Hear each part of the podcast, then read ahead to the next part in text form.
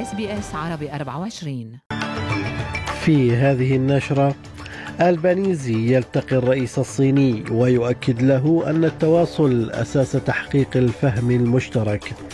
بعد شهر على الحرب في غزة حصيلة القتلى في القطاع تتجاوز العشرة آلاف والأمم المتحدة تدعو إلى وقف إطلاق النار في غزة.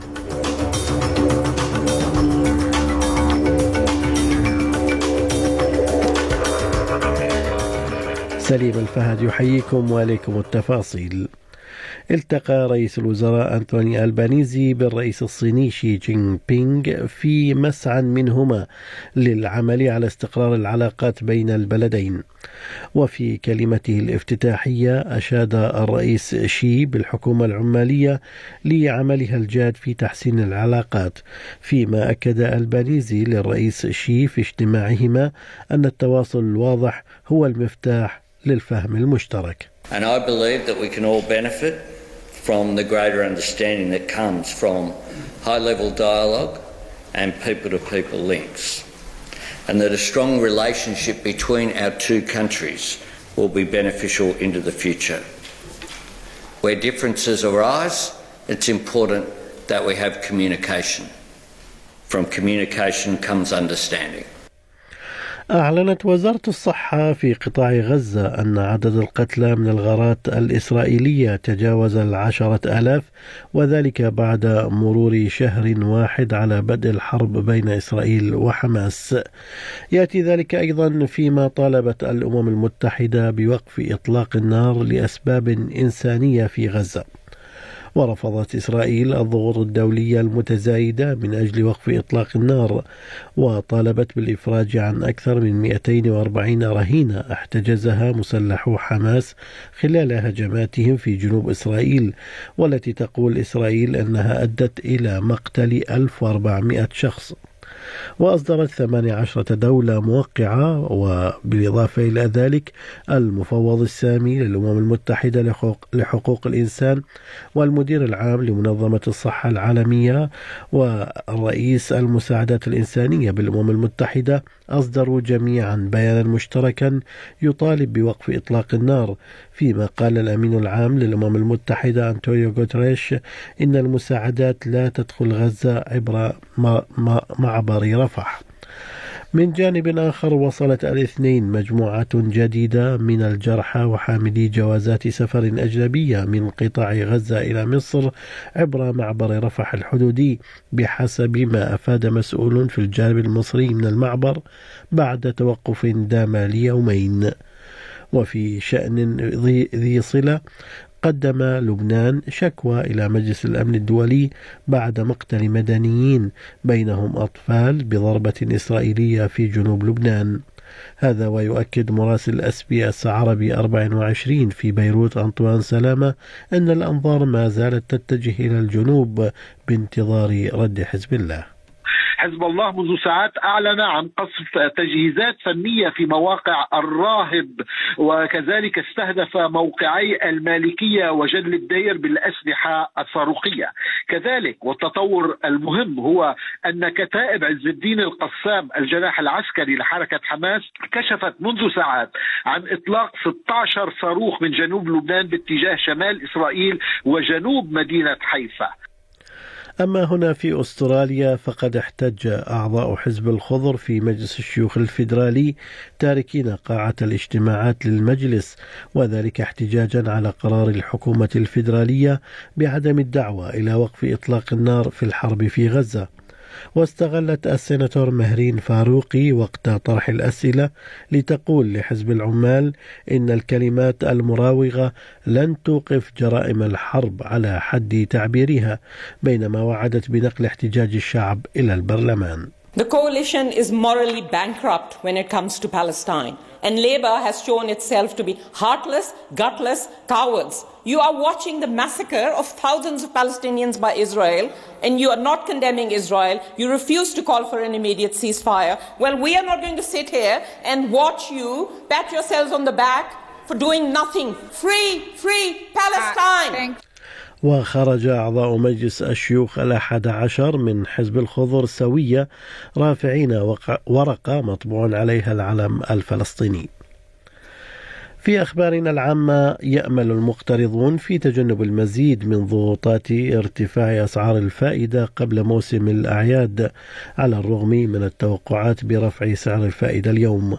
ويجتمع مصرف الاحتياط الفيدرالي اليوم الثلاثاء بعد ظهور مجموعة أقوى من المتوقع من بيانات التضخم والإنفاق القوي وعلامات المرونة في سوق العمل. ووجدت دراسة استقصائية أجريت على 45 خبيرا من خلال موقع المقارنة فايندر وجدت أن 69% منهم يقولون إن الأسواق تشير ضمنا إلى وجود فرصة بنسبة 50% لرفع أسعار الفائدة. وقال الرئيس التنفيذي للاستثمار المشترك لشركة أكويتس انفستمنت بارتنرز ديفيد بيرثن جونز إن الوضع مفتوح على كل الاحتمالات. It's probably closer to 50-50 for tomorrow. So it's basically a coin toss, but it is a certainty over the next quarter. So whether it's today or next month, almost kind of doesn't matter. A hike is fully expected. Now, what that means is if you don't get one tomorrow, then I think you can expect a very strong reaction from the market across stocks, across bonds, across property. That's probably not too bad a starting point. If they hike, well, it was priced in. If they don't hike, it'll be a good end to Cup Day, no matter how your horse did. ستستمع المحكمة العليا اليوم الثلاثاء إلى طعن قانوني تاريخي لصلاحيات الحكومة الأسترالية في احتجاز الأشخاص إلى أجل غير مسمى في مراكز احتجاز المهاجرين وسيعتمد المدعي على أنه لم يكن ينبغي للمحكمة العليا في البلاد أن تقرر منذ ما يقارب من عشرين عاما أن الاحتجاز يمكن أن يكون لأجل غير مسمى. حاليا يبلغ متوسط الفترة الزمنية التي يقضيها الأشخاص في مراكز احتجاز المهاجرين 708 أيام لكن جوزفين لانجبين من مركز قانون حقوق الإنسان تقول إنه من الناحية العملية غالبا ما يكون الأمر أطول من ذلك بكثير There are, as we speak, over 100 people who have been locked up for longer than five years. there are many people in immigration detention in Australia who are who are stateless or are refugees. They have spent years upon years in detention, and the government has provided uh, no solution and no pathway to freedom for those people. تم تقسيم التشريعات الجديدة التي توفر الحماية في مكان العمل في خطوة تسمح بتمرير بعض العناصر الأقل إثارة للجدل في التغييرات على الفور. وسيغلق التشريع الثغرات التي تسمح لأصحاب العمل بدفع وجور أقل للعمالة وإضافة حماية للعاملين في الوظائف المؤقتة والسماح للموظفين العرضيين بالانتقال إلى العمل الدائم. ويعارض الائتلاف هذه التغييرات لكن أعضاء مجلس الشيوخ من جميع الأطراف يتفقون على الأحكام التي من شأنها أن تسهل على العاملين في الخطوط الأمامية الوصول إلى مطالبات اضطراب ما بعد الصدمة وتحسين الحماية للعاملين الذين يعانون من العنف المنزلي. وقالت السيناتور جاكي لامبي إنه كان يجب تقسيم التشريع لضمان تفعيل الحماية قريبا. We want this bill split.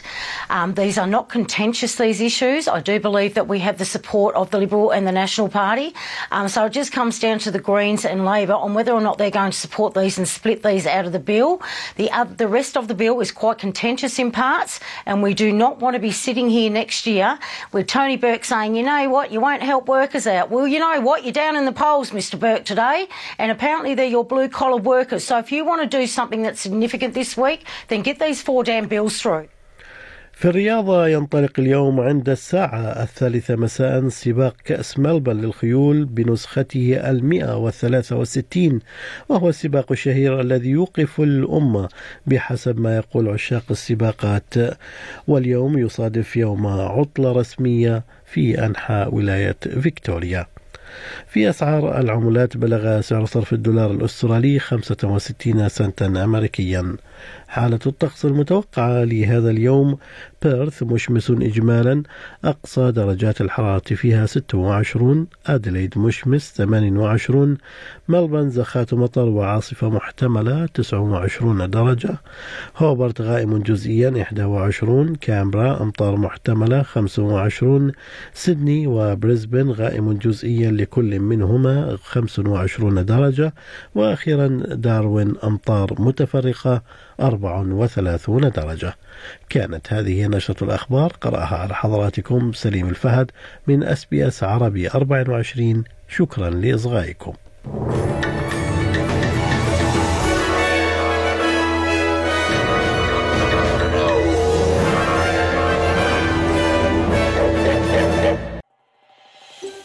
هل تريدون الاستماع إلى المزيد من هذه القصص؟ استمعوا من خلال أبل بودكاست، جوجل بودكاست، سبوتيفاي أو من أينما تحصلون على البودكاست.